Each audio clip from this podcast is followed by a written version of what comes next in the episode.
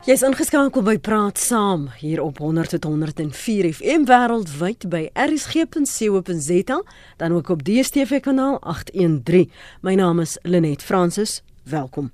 Die internasionale monetaire fonds het gewaarsku dat die wêreldekonomie op 'n sensitiewe tydstip is wat vereis dat sentrale banke sal moet volhou met stimulusplanne en regerings handelsgeskille so gou as moontlik sal moet oplos.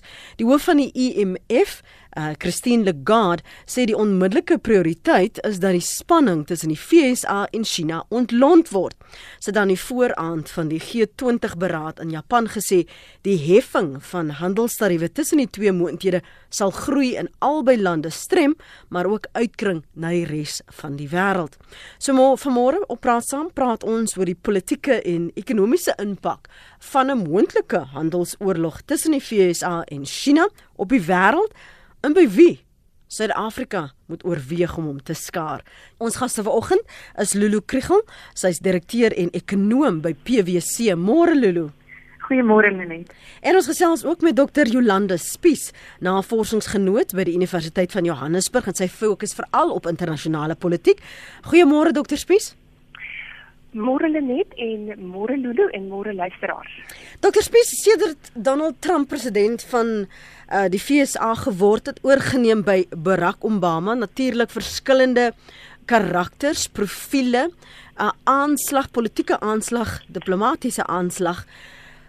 Het die FSA se buitelandse beleid drasties verander. Ooreenkomste wat gesluit was of in plek was, is of gewysig of die FSA het daaraan onttrek. Nou sit ons met hierdie spanning tussen die FSA en China. Hoe het ons by daai punt gekom? Ehm um, net weet jy daar is elemente van die FSA se beleid wat nie eintlik uh, dramaties verander het nie. Ehm um, ons fokus natuurlik op die ehm um, onstabiliteit van die president homself want hy is onvoorspelbaar en dit maak dit verskriklik moeilik vir sy bondgenote um, om te kan um, vooruit weet presies wat hy gaan doen of sê by berade of of selfs in terme van ooreenkomste. Die FSA is die wêreld se supermag en dit is alreeds uh, die, amper die laaste 100 jaar is dit die geval. Maar dinge verander in die wêreld en China is een van die uh, lande wat uh, daardie posisie van die FSA bedreig. En dit is hoekom ons op die oomblik sien dat daar verwys word na 'n handelsoorlog met China. As dit gebeur het met 'n kleinerige landjie as as hulle presies dieselfde dinge gedoen het wat hulle doen uh, die hele tyd en nog nog dekades lank al met kleiner lande het ons dit nie 'n oorlog genoem nie dan was dit maar net wat hulle normaalweg doen as supermag, maar nou omdat daar 'n land is wat groot genoeg is om werklik te impakteer, begin ons amper te dink die Amerikaanse beleid het verander. Wat wel verander het, is dat onder die Donald Trump presidentskap is daar minder aanvaarding dat alles maar net gaan voortgaan soos wat dit in die verlede gedoen is. Donald Trump is baie meer geneig om self sy bondgenote in die bek te ruk soos wat hy doen met ehm um, die NAVO-lande om te sê hulle dra nie genoeg by tot hulle eie verdediging nie. In die praktyk sien ons nie regtig soveel verskille nie, maar wat die ehm um, situasie met China aanbetref, word dit op die spits gedryf deur die effek wat dit op die wêreldekonomie het en nie net op die ekonomie van daardie land nie. Mm. En die veral wat wanneer ons praat oor markte Lulu, is persepsie speel so 'n groot invloed of daar stabiliteit of persepsie van welvarendheid of ekonomiese groei is. Heeltemal waar net en uh, ons het reeds van verlede jaar af hierdie beide die internasionale monetaire fonds en die wêreldmark begin maan en gesê dat daar 'n uh, druk op die ekonomie wêreldekonomie sal wees en dat uh, veral China se ekonomie um, onder druk gaan kom en stadiger begin groei. En reeds aan die begin van die jaar voor hierdie um, sogenaamde handelsoorlog tot op die punt gedryf is wat dit nou is. Um, en China weet verwag dat hulle hierdie jaar en die res van die wêreld natuurlik ook hierdie jaar die uh, laagste groei in 20 jaar in China gaan sien. En dit uiteraard ehm um, het reeds spanning in die wêreldekonomie veroorsaak. Ons het eintlik die laaste ek sê 4 tot 5 jaar gesien dat daar kort kort onsekerheid is oor China. En hoekom is dit so belangrik? Dit is omdat ehm um, China se se groei is bykans dubbel dit wat uh die res van die groot grootste ekonomieë in die wêreld is. As mense wil gaan kyk na die FSA, Duitsland um, en 'n paar van die ander uh, wat van die grootste ekonomieë is. So teen as die groot tweede grootste ekonomie um, in die wêreld uh, na die FSA beteken dit as hulle ekonomie teen 6.5% groei dat dit omtrent tussen 25 en 30% van die totale groei in die wêreldekonomie um gaan bydra. So of kan bydra of ook dat daardie selfde groei dan nou soos wat ons nou sien uh onder druk geplaas word en en daarom uh maak dit almal onseker en is maar te geneig om om gewoonlik te reageer op nuus eerder as op as op mm. die as op die feite hulle probeer vooruit reageer. Waaraan skryf jy as ekonom hulle ekonomiese groei ehm um, toe? Want as jy sê in die laaste groei dis die laag eerste keer so laag in die laaste 20 jaar. Neem ek aan dat hulle doen iets reg wat toenemend uh, groei verseker het. Die uh, Chinese ekonomie het deur geweldig baie veranderings gegaan die laaste 20 plus jaar. In die eerste plek het ons gesien dat hulle um, nog altyd maar vir al die laaste paar jaar op langtermyn uh, projekte fokus. So langtermynprojekte oor ehm um, waar hulle infrastruktuur gaan bou, ehm um, waar hulle gaan ehm um, jy weet hulle groei geleenthede vandaan kry. En dan natuurlik ook met 'n met die met die grootte van die bevolking in China. Ehm um, soos dit mense meer geld het, het hulle behoeftes aan meer produkte, voertuie, huise en so aan. En uh, en dit het dit het onder andere ook groei gestimuleer. So daar was dit tot 'n groot mate groei gedryf deur uh primêre en sekondêre sektore met ander woorde mynbou ehm um, vervaardiging en so aan teenoor as mense byvoorbeeld gaan kyk na Indië wat op hierdie stadium vinniger gaan groei as China hierdie jaar is dit gedryf deur dienste. Natuurlik ook die Chinese ekonomie wat ons ook moet verstaan is 'n sentraal beplande ekonomie so wat dit beteken die regering besluit uh waarheen ehm um, waarheen hulpbronne gaan.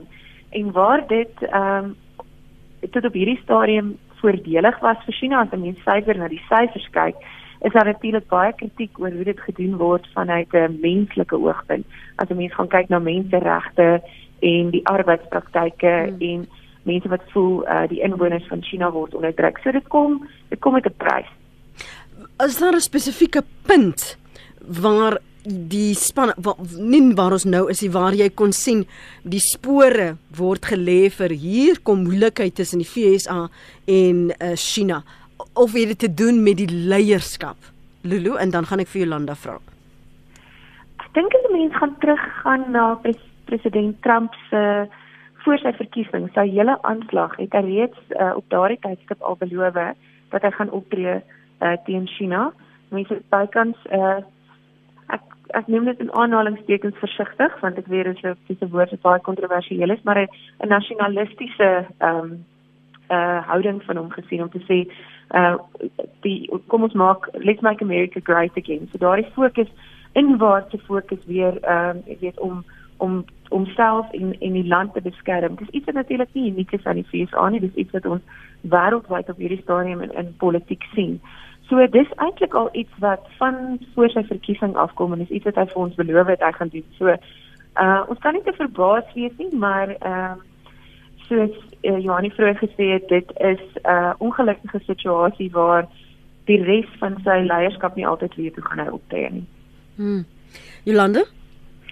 Ehm um, in Afrika sê ons mos as die olifante beklei is, is die gras wat seer kry. Mhm. Mm ehm um, so ons voel elke tweet van Donald Trump word in die wêreld um, bestudeer en geanaliseer vir wat dit moontlik sou kon beteken vir die res van ons. Die FSA um, het 'n uh, dit, uh, wat hulle noem 'n exceptionalism omtrent hom. Uh, hy beskou homself as buitengewoon buitengewoon goed uit sy oogpunt maar volgens baie ander mense daar buite uh buitengewoon geneig om homself in te meng in die res van ons se se sake. Nou wanneer ons dit positief ervaar, dan ervaar ons die FSA as die wêreld se polisieman, die ou wat ons uit die nood uit gaan uh, red, soos wat hulle gedoen het met met Europa in die in die Tweede mhm. Wêreldoorlog.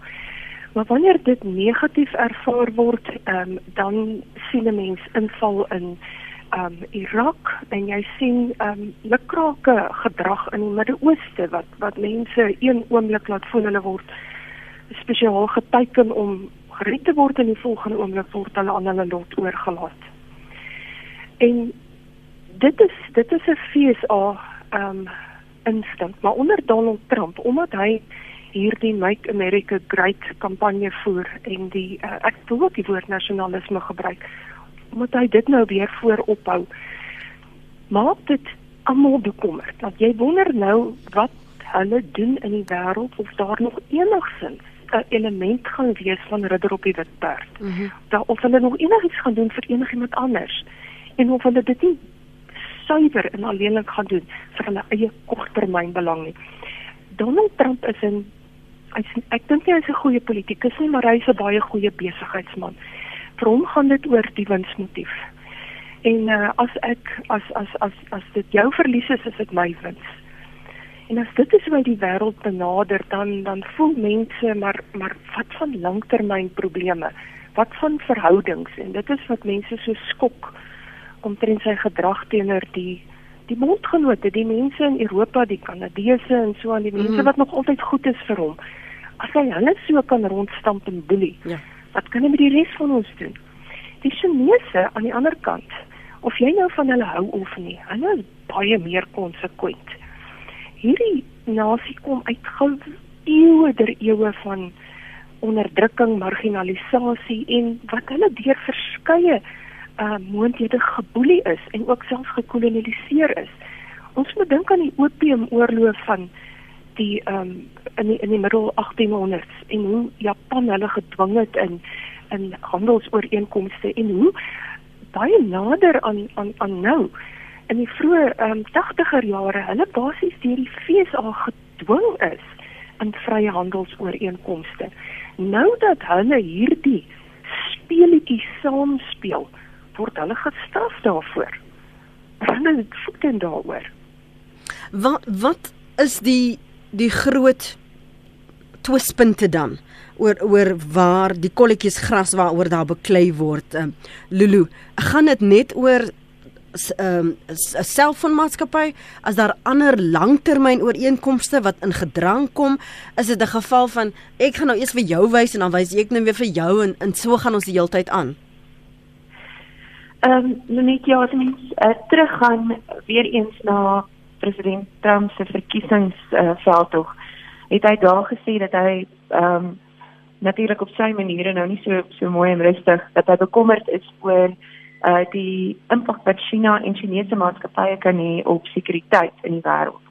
En uh as mense nou gaan kyk, ons praat deesdae ook, ons praat nou van handelsoorlog oorlog, maar kiberoorlog wat ja. uh, wat ook iets is wat internasionaal hierdie jaar het het, het ons 'n studie gedoen as PwC waarin ons gekyk het waaroor is uh, maatskappy hoofde die bekommerdste en dit is een van die 10 uh, faktore waar, waaroor hulle die bekommerdste is is die moontlikheid van hierdie kiberoorlog. So dit dit is 'n deel van uh, van Trump se se ongelukkigheid met China, um, ook onder andere ehm um, hoe as wat handelsmerke en so aanhanteer word in China. Ehm um, of dit nou of hy nou reg is of verkeerd is, daar is seker gevalle wat wat hy reg is. Maar ehm um, dit dit stem of dit kom natuurlik van daar af. En dan natuurlik ehm um, voer die FSA heelwat meer produkte uit van China af ehm um, na die FSA toe as wat of in, ekskuus. Mm, nee. in van van China af na die FSA toe as wat hulle uitvoer. So hulle is eintlik 'n klein bietjie op die agtervoet in daardie verhouding gewees. Hulle is 'n bietjie meer afhanklik van die Chinese produkte en uh, China is minder afhanklik van hulle. So dit het uiteraard vir president Trump met sy hele fokus op Amerika en om produksie terug te bring Amerika toe begin hom gemaklik raak maak. Ons sien byvoorbeeld groot maatskappye soos Apple, ehm um, wat nie noodwendig hulle produkte in China vervaardig nie, maar wat dit daar aan mekaar sit, het ook ehm um, 'n paar houe gekry van president Trump af. En hy het nie altyd al sy feite reg gehad rondom dit nie. Hy het byvoorbeeld gesê, ehm um, Apple iPhones word in China gemaak, maar dit is nie die geval nie. So hy het baie keer verstaan hy ook nie van hierdie fynne nuances wat weet en en weet hoe besighede ehm um, besigheid bedryf nie. Maar ja, dis 'n kombinasie van uh die die uh groter uitinvoer van China af, veiligheid ehm um, en en natuurlik handelsmerke en so aan. So 'n hele klomp faktore wat hy voorhou as as die belangrikste vir hom. Waar is die ekonomiese adviseurs Lulu? Want sekerlik kan hierdie handelsoorlog is gebeurde in isolasie nie dit het 'n ripple effek daarom uh, waar uh, hoekom um, Christine Lagarde gewaarsku het dat hulle dit nou 'n prioriteit moet maak om die spanning te ontlont As mens gaan kyk na president Trump se adviseurs, uh, het hy die laaste paar jaar mens kan sê hy het van mense ontslaag geraak of hulle self besluit om te gaan omdat hulle nie saam met hom wou werk nie. En ek kry die gevoel hy het homself omring basies met mense wat dieselfde dink as hy tot 'n baie groot maat. Mate as mense byvoorbeeld dink aan tuition en dan ook sy sy sy skoonseun en sy dogter mm. wat sy adviseurs is. Dis dis die tipe denke wat hy het. So hy het homself omring met mense wat uh, wat dieselfde as hy dink. Ek sien natuurlik weet ons minder wat aangaan. Dit is nie altyd so deursigtig nie. Ehm um, maar uh, as jy mens gaan kyk daar is heelwat ekonome in China uh, wat hulle self ook uitgespreek het al die laaste ruk en gesê dit kan groot skade doen maar ehm um, soos Jolanda reg gesê het mense kan nie verwag dat China gaan terugsit en maar net sê weet jy deel nou maar jou uit uh, ons sal maar net vat wat ons kant toe kom nie dit gaan nie gebeur nie hmm. Ek lees wat skryf sommige van julle hier op ons uh, SMS lyn. Ek weet meer van wat die president van die FSA doen as my eie president skryf hierdie luisteraar. En nog 'n een, ek dink dit is Isel in die strand wat sê Donald Trump moet dringend intensiewe psigoterapie kry of bedank. Hy het nie benul van internasionale politiek nie. Uh hy's 'n boelie in die sandput, skryf Isel in die strand. Jy kan ook saamgestel. O, hier's nog een wat sê, uh los tog net asseblief vir president Trump uit. Julle liberales kan net nie verloor nie. Goed, dis daardie mening daar. As jy wil kommentaar lewer, as jy baie welkom. Ehm um, ons praat verder met uh, Lulu Kriegel, sy's direkteur en ekonom by PwC en ons praat ook met Dr. Jolanda Spies. Sy's navorsingsgenoot by die Universiteit van Johannesburg en sy fokus veral op internasionale politiek. Verstaan hierdie twee lande die ripple effek wat dit op die globale ekonomie het en dat jy die ekonomie en die politiek nie van mekaar kan skei nie, Jolanda? Ehm um, ja, ek dink hulle verstaan dat die die die vraag is hoeveel hulle omgee, omgee daarvoor. Mm. Ja, en ek dink ons moet baie versigtig wees om nie ehm um, te dink ons moet kant kies nie. Ons het nie nodig om kant te kies nie. Dit gaan ons terugvat na die Koue Oorlog toe waar ons geboelie is daarin om kant te kies en dit was nooit 'n goeie kant gewees nie. Ons is altyd uitgebuit. Ehm um, nie China of die VS het vreeslike altruïstiese bedoelings met Afrika nie. Ehm um, um, China is primêr in Afrika om ekonomiese redes en die FSA primêr betrokke weens sekuriteitsredes en ons moet dit so verstaan.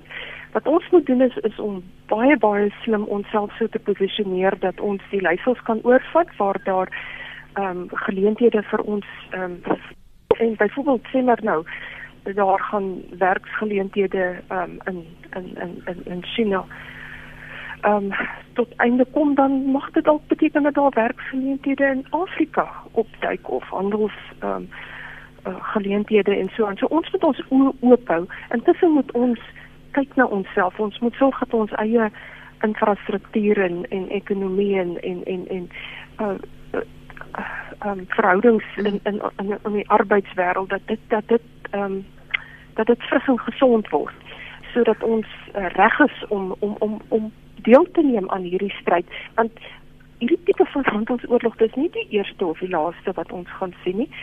Ehm um, en ons moet kyk ons moet baie klinies en rasioneel kyk na na die geleenthede wat dit vir ons kan bring. Is dit net magsvertoon? Is dit waaroor dit eintlik gaan want die die Chinese uh, verhoog hulle invoertariewe nou doen die FSA al dieselfde om te sien wie gaan uiteindelik bes gee. Politiek is mag dit gaan alles oor uh, wie beheer vir wie en uh, wie beïnvloed vir wie. So mense word sê ja, dit gaan net oor mag, maar ehm um, die internasionale politiek is 'n uitvloeisel van wat gebeur binne in lande. En ons mees primêre instink is om te oorleef. En as jy 'n land soos China vat, ehm um, is dit was was daai blote oorlewingsinstink geweldig dominant gewees en nog steeds in groot dele van daai land om net ekonomies te oorleef was tot 'n paar dekades gelede sy grootste uh, bekommernis. En sy uitvloeisel uh, die uitvloeisel daarvan is hoe hy nou homself internasionaal posisioneer. En en dit is om homself ekonomies te bemagtig en hy maak hy hy, hy, hy steek dit glad nie weg nie. Dis dis een ding wat ek van die Chinese waardeer en dit is dat hulle nie vir ons kom sopstories vertel oor wat hulle hier met ons wil doen nie. Hulle is hier om hulle self ekonomies te verryk. Ehm um, en 'n mens kan dit verstaan. Dis 'n baie natuurlike instink. Die Amerikaners het ook daai instink, maar die instink is 'n bietjie meer vervleg met 'n wêreldbeskouing wat ehm um, Amerika as buitengewoon sien en beteken dat hy homself moet bemoei mm. met sake wat nie noodwendig sy eie oorlewing affekteer nie. Ehm um, 'n boodskapie miskien aan die aan die aan die dame wat ons vriendelik herinner daaraan om vir Donald Trump uit te los. Ons wil hom bitter graag uitlos. Hy los ons nie uit nie. Koos, ek wil gehoor wat het jy op die hart môre? Goeiemôre net. Lenet ek luister nou baie mooi. Ek dink Trump se ekonomiese beleid het meer bekend geword na mate die sosiale media meer rol gespeel het. En ek wil eers die twee media's te mekaar afspeel, die sosiale media en die openbare media. Mm -hmm. Wat my bekommerd is dat ons openbare media val Trump totaal aan oor alles wat hy doen. En dit dit, dit laat my vra, het die het die openbare media 'n agenda waarom hulle dit doen? Want as jy gaan kyk net nou wat in Engeland gebeur het, is die openbare media het Trump se Trump se besoek as 'n ware afgekraak. En as jy gaan kyk op wat die sosiale media hoeveel miljoene mense of duisende mense uit die straat om welkom gesê we want Trump. Maar ek ek ek probeer net hier twee goed vir jou noem. Vir my on, ons bly baie stil oor wat die Chinese doen. Die Chinese die die Chinese is besig om groot rol in Afrika te speel want ek is betrokke maar selfs in Suid-Afrika. Kyk watter rol speel China alreeds in Suid-Afrika. Kyk hoeveel ekonomiese geleenthede het al in Suid-Afrika tot niet gegaan as gevolg van die rol van Chinese. In alle opsigte, ons voer al ons ysererf uit na hulle toe. Ons voer ons skrootmateriaal na hulle toe en dan voer ons verklaar verwerkte uh, uh, produkte na ons toe. Kyk hoe lyk ons hoe lyk ons hoe lyk ons ander nywerhede, ons klere nywerheid. Alles daai goed. Dis al deur Chinese oorgeneem. En die Chinese doen dit anderster. Hulle kom hier na toe, hulle skep nie regtig vir ons werk en geleenthede nie. Ons het al hierdie gesprek al gehad op dieselfde radio van jou. Hulle skep vir hulle eie mense geleenthede. Nou skielik is ons verskriklik anti-Trump en anti en ons erken hy's 'n groot ekonomie, ekonomie, goeie besigheidsman en alles. Maar ek dink Trump bring net bietjie weer terug balans in. Want gaan as ons gaan stil sit of daar stil gesit word in die wêreld en ons los laat China doen wat hy doen tans, dan wil ek vir jou vertel, gaan die hele wêreld omtrent deur China se ekonomiese stelsels beheer word. En dit gaan nie noodwendig tot voordeel wees van lande in Afrika nie want in Afrika doen Chinese baie Rwanda Uganda oral doen hulle bitter baie goed maar gaan kyk wie werk daar. Hulle skep nie werksgeleenthede vir eie mense nie vir vir ag vir die vir die inwoners van die land nie. Hulle skep werksgeleenthede vir eie mense. So ek dink ons moet 'n bietjie die goed in perspektief sien. Ek dink die belangrik dat Trump se ekonomiese rol in Afrika in, in die wêreld weer 'n slag gewys word want ek dink Trump het baie groter aanhang en groter ondersteuning as wat ons wat ons openbare media wil erken. Ons openbare media skep die persepsie by die gemiddelde as by die gemiddelde persoon op grondvlak dat Trump is evil as ek so Engelse woord mag gebruik en dit is nie wat hy is nie. Ek dink Trump is besig om sy eie ekonomie te beskerm. Hy het aan bewind gekom ten spyte van die feit dat die openbare media hom aangeval het, maar die sosiale media het hom aan bewind gekom. Die, die, die wat hom laat aan bewind gekom het omdat hy die waarheid vir hulle vertel het. So jy glo nie, jy glo nie da, ja. daardie gerugte dat Rusland iets daarmee te doen gehad het nie. Ek ek ek wil dit nie sê nie. Ek dink hierdie ding is heeltemal 'n ekonomie ding. As ons in Suid-Afrika moet ook net begin wakker skrik. As mm. ons gaan sien wat 'n skade is aan ons ekonomie al gedoen deur China. Ons het ons het ons het nie meer werksgeleenthede vir ons mense nie. Hoekom is ons op 30% amper hulle net? Uh, dit is as gevolg van werk wat weggevat word wat die goed kom nou al van China. Ons klerefabrieke, VK, Waverly, Frames, al daai groot goed het, het toegemaak. Hoekom het hulle toegemaak? En ek was ek was by 'n sitting gewees in Seattle waar waar Suid-Afrikaners se uh, uh vakbonde gesit het wat hulle bekommerd was oor die rol van globalisering van wêreldhandel. En ek sê vir jou, China het die globalisation world trade die meeste uitgebuit al wil mense dit nie glo nie. En hulle het in China, hulle het dit Amerika probeer doen en nou Trump in opstand gekom en nou veroordeel ons Trump as gevolg van die siening wat ons openbare media het oor Trump. Ek dink openbare media is Trump nie goedgesind nie en ek dink ons openbare media word ook beheer en gereguleer deur sekere elemente wat ook 'n probleem kan skep selfs in Suid-Afrika ook. Ek dink ons openbare media is so objektief as wat ons graag wil hê moet wees nie. Dankie Koos, ek gaan nou-nou vir Lulu geleentheid gee om op daai 3 punte van jou uh, te reageer. Bosman, welkom. Baie dankie. Uh, ek wil net graag uh, net voor ek 'n uh, vraag stel, baie kortlik sê dit lyk vir my asof die uh, ekonomiese markte positief reageer onder Trump se regering. En uh, ek sien en hou nie baie van Trump daar teenoor Fox News, maar indien die stelling korrek sou wees op te sê die markte reageer wel positief onder Donald Trump, uh, wat sou die rede wees tweedens daarvoor? Dis ek uh, luister oor die radio asseblief. Goed, dankie vir die bel, veilig ry. Uh, dis almal in jou kraal. Uh, Lulu, kom ons gaan by die laaste punt. Hoekom reageer die markte dan positief volgens Bosman? Mense verstaan wat eh uh, president Trump eh uh, gedoen het in die VSA en ek meen ehm um, so graag as wat baie van ons ek self ek gaan eerlikwaar sê ek is nie 'n Trump aanhanger nie, maar ehm um, as jy mens objektief kyk na wat die laaste paar ehm um, jare gebeur het in die Amerikaanse ekonomie het dit tog gelyk asof en ek kan mense dit sien ehm um, asof die stimulus pakkette en veral rondom belasting wat hy aangekondig het. So dit dit baie tot 'n baie groot mate onder andere vir Amerikaanse ondernemings om te sê wel ehm um, hier is die hele belastingtoegewings en insentiewe van verskillende forme ehm um, en dwars deur die deur die bedrywe het het het, het 'n positiewe impak gehad op ekonomiese groei in die VSA en ons het ons het sterker groei gesien as wat ons verwag het.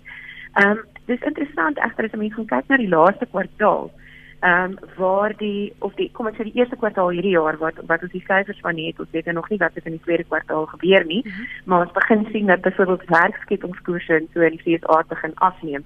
So dit is gewoonlik een van die eerste faktore wat ons wys dat die ekonomie ekonomiese groei begin begin afneem.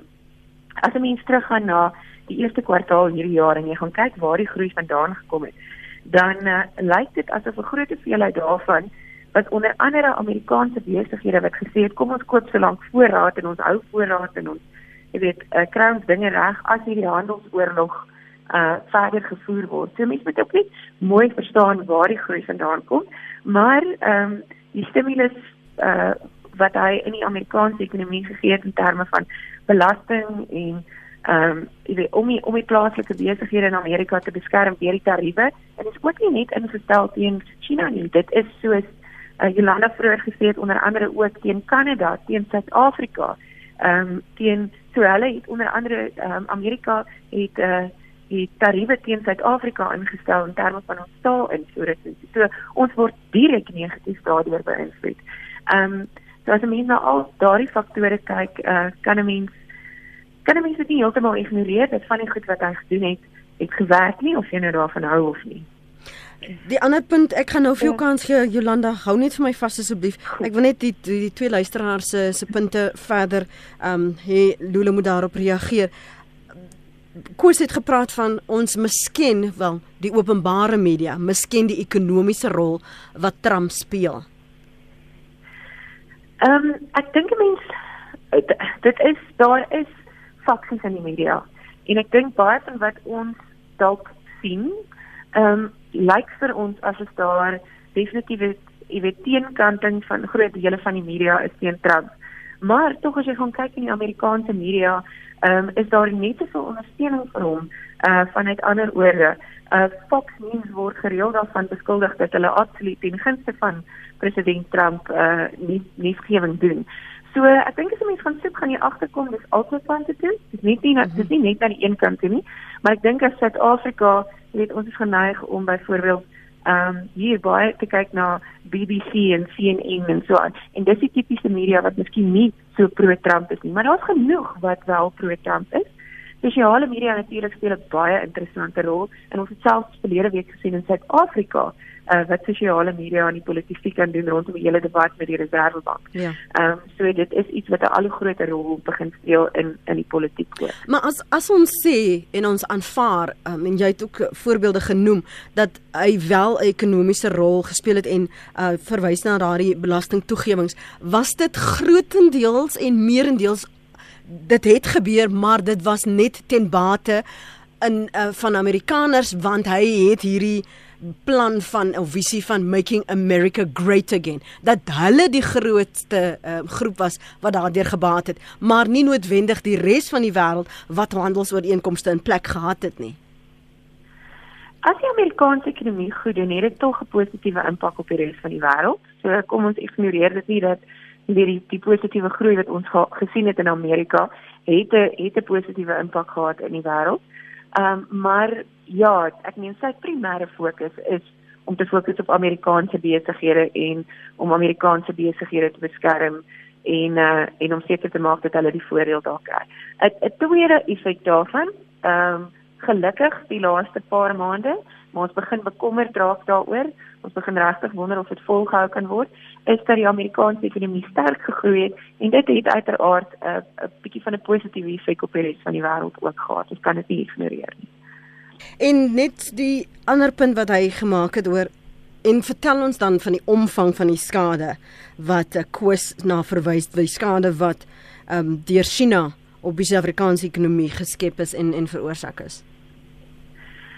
Um ek dink 'n mens moet uh, mens moet versigtig wees om om die vinger buitekant te wys. Ek dink daar's nege vingers wat terugwys na Suid-Afrika en ons eie beleid. Um ons moet besef ons is in 'n internasionale omgewing waar um ons mededingendheid uh, voortdurend getoets gaan word in terme van ons produkte en ons moet met mekaar eerlik wees. Suid-Afrika se produktiwiteit en die effektiwiteit waarmee ons produseer Ehm um, as dit nie China was nie, was dit dalk iemand anders.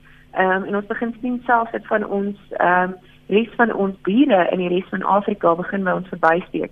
Ons is nou maar 5de op die lys van die lande ehm um, uh, van die van die beste lande om om handel te dryf in Afrika. Rwanda is by ons verby, uh Kenia is by ons verby, Mauritius is by ons verby, Algerië is by ons verby. So ek daar is sekere goed en ek stem saam dat nie reg is nie, wat nie reg gedoen word nie, maar ek dink ons moet eerstens vir ons eie deur vee want ek dink 98% van ons eie probleme of van ons probleme is op hierdie stadium self gemaak en, en ons kan nie noodwendig die vinger na China toe wys nie. En dan kan ons by dieselfde asem op praat oor mense van Indië wat hier was. Mm. so skare mm. hulle in die Suid-Afrikaanse ekonomie aangerig. Jolanda, dankie vir jou geduld. Ehm um, net net 'n um, vinnige opmerking en dit is nou nie vir of teen ehm um, Donald Trump nie. Ehm um, dit wanneer jy ehm um, te maak het met iemand wat kontroversieel is soos hy en iemand wat sy beleid op sosiale media aankondig eerder as aan sy eie raadgewers, dan is daar 'n groot versoeking vir ons almal om in die pro en teen uh, kamp te val en en oor hom te baklei. Maar ons moet ons moet kyk na die na die spel wat gespeel word en dis nie net hy nie dit is dis die FSA en daar's baie groter dinge hierby betrokke. So um of jy nou hou van Donald Trump en of jy nou nie van hom hou nie um Amerika se beleid impakteer die hele wêreld. Dit is die dis die definisie van 'n supermag as sy beleid die hele wêreld affekteer en nie net homself of of 'n streek nie. Ek wil terugkom na wat 'n uh, wat 'n luisteraar gesê het oor China in Afrika en absoluut ehm um, of uh, wat ons ook al dink van die Amerikaners, mag ons nie miskyk presies hoe strategies die Chinese besig is om Afrika ehm um, ek wil nie sê oor te neem nie, maar maar regtig waar te ehm um, te ontwikkel in sy in sy agterplaas. Die Chinese het nou meer ambassades in Afrika as enige ander land. Ek was geskok toe ek dit besef. Hulle het ambassades in 53 Afrika lande. Dis meer as die FSA, dis meer as Suid-Afrika of Frankryk of of enige ander moontlik. Ek bedoel uh, relatief tot Afrika. Mm. Um die enigste land in Afrika waar hulle nie ambassade het nie, is ehm um, Eswatini, Swaziland. En dis omdat Swaziland onder internasionale reg kies om daai diplomatieke verhoudinge eerder met Taiwan te hê. Jy kan mos nie albei te gelyk hê ja, onder ja. internasionale ja. reg nie. So die Chinese het hulle self nie net ekonomies nie, maar polities geposisioneer om maksimum invloed in Afrika te hê. En wat baie kommerwekkend is, is die lenings wat hulle verskaf aan Afrika regerings wat uh oënskyn um uh, kom sonder uh, soos hulle Engels sê strings attached, maar dis nog steeds lenings en hierdie lande, lande soos Zambië, um, gee dan nasionale eiendom, dinge soos myne of uh, staatsentiteite as waarborge. In in die geval van Djibouti, ehm um, dis nou 'n baie spesifieke voorbeeld van Djibouti, klein ou landjie daar in die horing van Afrika. Ehm um, het verskeie militêre bases. Hy het 'n hy het 'n uh, Amerikaanse militêre basis, die enigste Amerikaanse militêre basis in Afrika. Die enigste militêre basis in Afrika. Daar selfs 'n Japaneese militêre basis, 'n Franse en 'n Italiaanse militêre basis in daai klein landjie. Mm. En die rede waarom hulle daar is, nommer 1 is omdat Djibouti hulle toelaat om daar te wees. Baie Afrika lande sê net nee vir hierdie militêre basisse. Maar 'n groot rede is weens die sekuriteit van daai area. Dit is reg daar op die roete van die Somaliese seerowers. Dis reg oorkant Jemen waar daar natuurlik 'n brutale oorlog aan die gang is wat die hele Midde-Ooste intrek. Dit is 'n dis 'n verskriklike belang belangrike seeroete en daar het China vir homself um onderhandel dat die geweldige skuld wat Djibouti nou alreeds teenoor China het moontlik afbetaal gaan word deurdat Djibouti vir hulle 'n hawe gaan gee. nou sulke dinge is geweldig kommerwekkend. Ons weet dat China byvoorbeeld die die hoofkwartiere van die Afrika Unie gebou het as 'n geskenk en en dit jy jy het nie eens nodig om om om vreeslik ehm um, paranoïes te wees ja. om te wonder of daai hele gebou vol van klein luisterapparaatjies ja. is nie. Ehm um, dis nie net die Afrika Unie dit is dis die dis die nuwe hoofkwartiere van ECOWAS in in Wes-Afrika. In in die laaste 15 jaar, net om nog 'n voorbeeld te gee, het China 48 Confucius Institute reg oor Afrika begin befonds. So dis instituie waar hulle sien as Chinese vir mense leer en en navorsing doen. Dis dis kulturele sentrums, maar dis eintlik propaganda um instrumente vir die Chinese um um regering. En dit sê vir ons presies hoe strategies China Afrika benader en Amerikaners is baie baie baie bekommerd hieroor.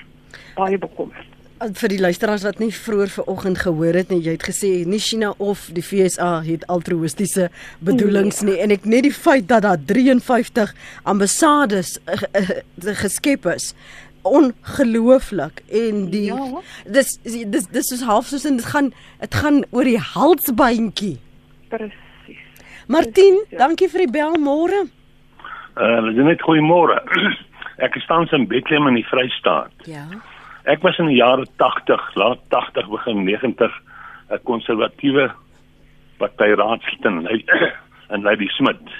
Mm die Chinese het op daai stadium met hulle ehm uh, hele optog gestuur na na na Lady Smith.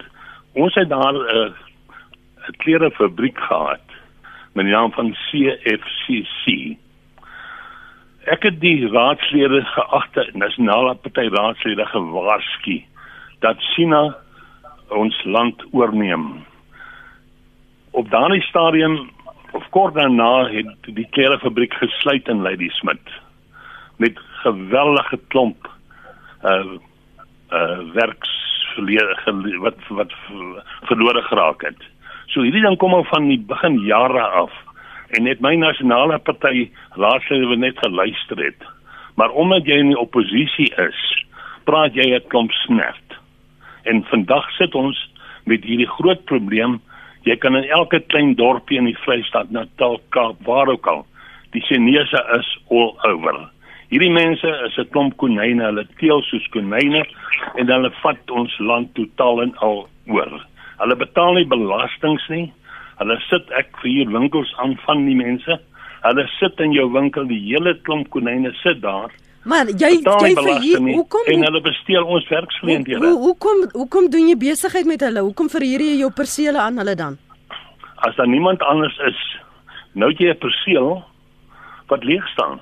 Wat moet jy maak? Dis jou inkomste daarin. Jy het geen ander keuse nie. So vir vir jou, soos vir China gaan dit oor besigheid. Nee dinge, maar in daardie jare, in 89, in 90 het ek nie verhuur aan hulle nie, né? Glad nie. Toe was ek in Ladysmith in Natal. Ek is die Kaap toe. En dis waar die probleme in, hulle het stadig ingestroom. Gaan kyk na enige dorp op die oomblik, né? Dat 80% van die Martins, mense wat Ja. Dankie. Ek dink jy het op punt gemaak. Ons moet aanbeweeg. Dankie daarvoor. Kom kom ek vra vir julle om te reageer op die punt wat ehm uh, Martiens maak en Lulu waar laat dit Suid-Afrika? By, by wie se belange by watter land word Suid-Afrika se belange die beste gedien. Uh, vroeër vanoggend het uh, Jolanda gesê sy dink ons moenie eers betrokke raak nie. Ons moet nie eers kan kies of 'n posisie inneem nie. Lenet ek stem 100% saam met Jolanda. Ek dink ook nie ons moet uh, kant kies nie. Ehm um, ons is 'n klein visiekie in hierdie geveg en ons wil definitief nie in twee geskeur word in die proses nie. So ek dink so ver as moontlik ehm um, moet ons ons eie belange beskerm en uh, en na onsself kyk. Um, om terug te kom net na na die rol van van China in Afrika en dan ek wil ook spesifiek op Suid-Afrika fokus en dis waar my ehm um, my opmerking van 'n bietjie vroeër vandaan gekom het. Uh dit heeltemal waar die rol wat wat China in Afrika speel, maar ek wil net maandag teen as ons kyk na Suid-Afrika dat ons nie ons probleme ignoreer en dit voor die deur van China lê en dink dat al die werkloosheid en alles wat ons op hierdie stadium in Suid-Afrika sien, uh is as gevolg van China se betrokkeheid in Suid-Afrika nie. Dit is ook nie waar nie en dit gaan ook beteken dat ons 'n klomp probleme van ons eie uh gaan ignoreer. Um en en en nie nie oplossings vir dit probeer vind nie want ons gaan verskonings probeer vind um as gevolg van jy weet miskien iets wat hier en daar waar is maar grootendeels uh ongelukkig dink ek baie van ons van ons werkloosheidsprobleme en so aan is is deur onsself geskep nie noodwendig deur China nie. As 'n mens gaan kyk na kleiner dorpies, ja, daar's dalk 'n bietjie van 'n rol daarin, maar weer eens dink ek die probleme in Suid-Afrika is baie meer kompleks as dit. Ehm um, in die res van Afrika, uh, Jolanda het baie interessante voorbeelde genoem en ek dink ehm um, daar's lande byvoorbeeld soos Angola het ek nou die dag gesien, ehm um, is die land in Afrika met die grootste blootstelling aan China in terme van die waarde van ehm um, van die beleggings wat daar is en dan natuurlik ook die die waarde van die skuld wat hulle het teenoor China. So ehm um, ons moet maar net ek, wat Suid-Afrika betref dink ek moet ons moet ja natuurlik erken waar daar probleme is, mm -hmm. byvoorbeeld in die klerebedryf, ons kan dit ignoreer nie. Maar ons moet ook besef waar ons ons eie grootste vyande is op hierdie stadium. Waar laat dit Rusland wat ook sterk handelsooreenkomste het met die VSA en China in hierdie geval en hoe is hierdie ripple effek? Hoe wentel dit af? Wat wat moet ons benadering wees? Wag ons kyk ons dat dit tot 'n einde kom of iemand moet in, dan moet 'n inploffing wees. Wat maak ekonomies wyse sin en benadering en strategie dan?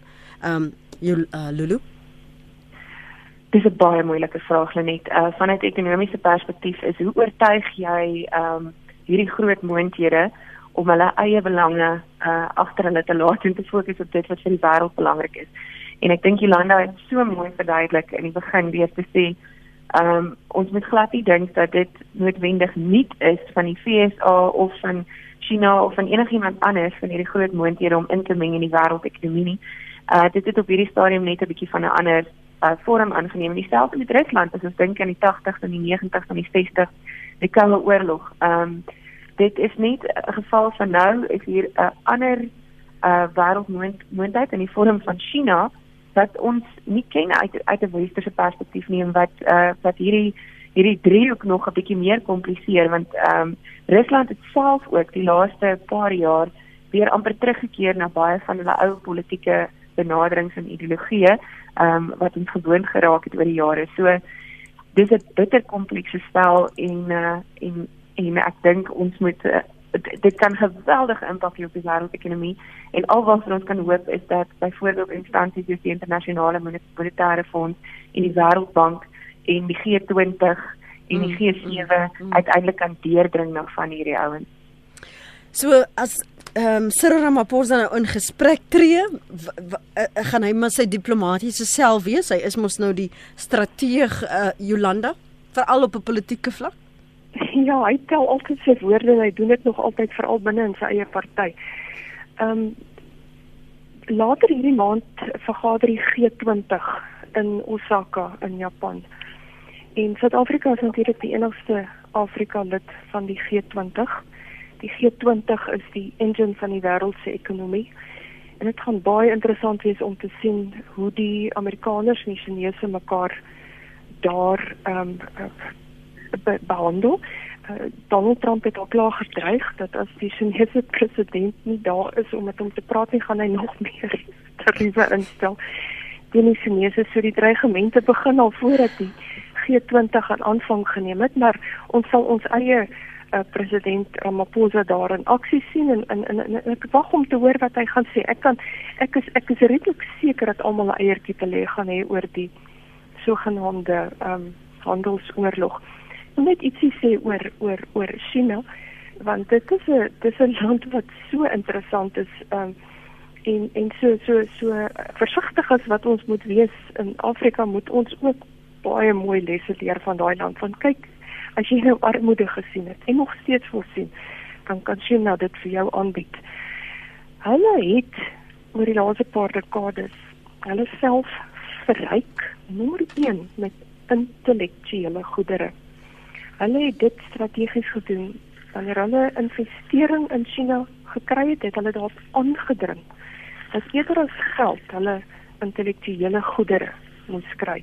Dit is dit is hoekom Huawei is waar hy is in terme van 5G en die benutting van tegnologie. Dis hoekom hy so 'n bedreiging geword het vir die FSA.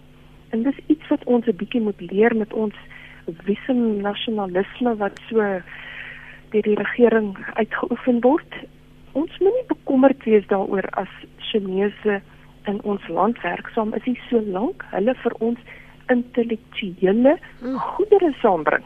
Dit is wat ons van hulle wil hê, want dit is wat ons gaan dat dit wat hier gaan agterbly.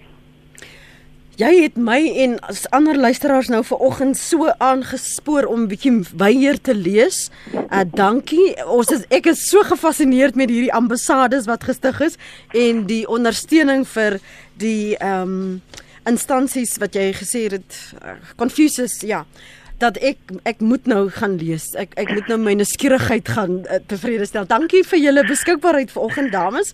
Lulu Kriegel is direkteur en ekonom by PwC en Dr Jolanda Spies 'n navorsingsgenoot by die Universiteit van Johannesburg.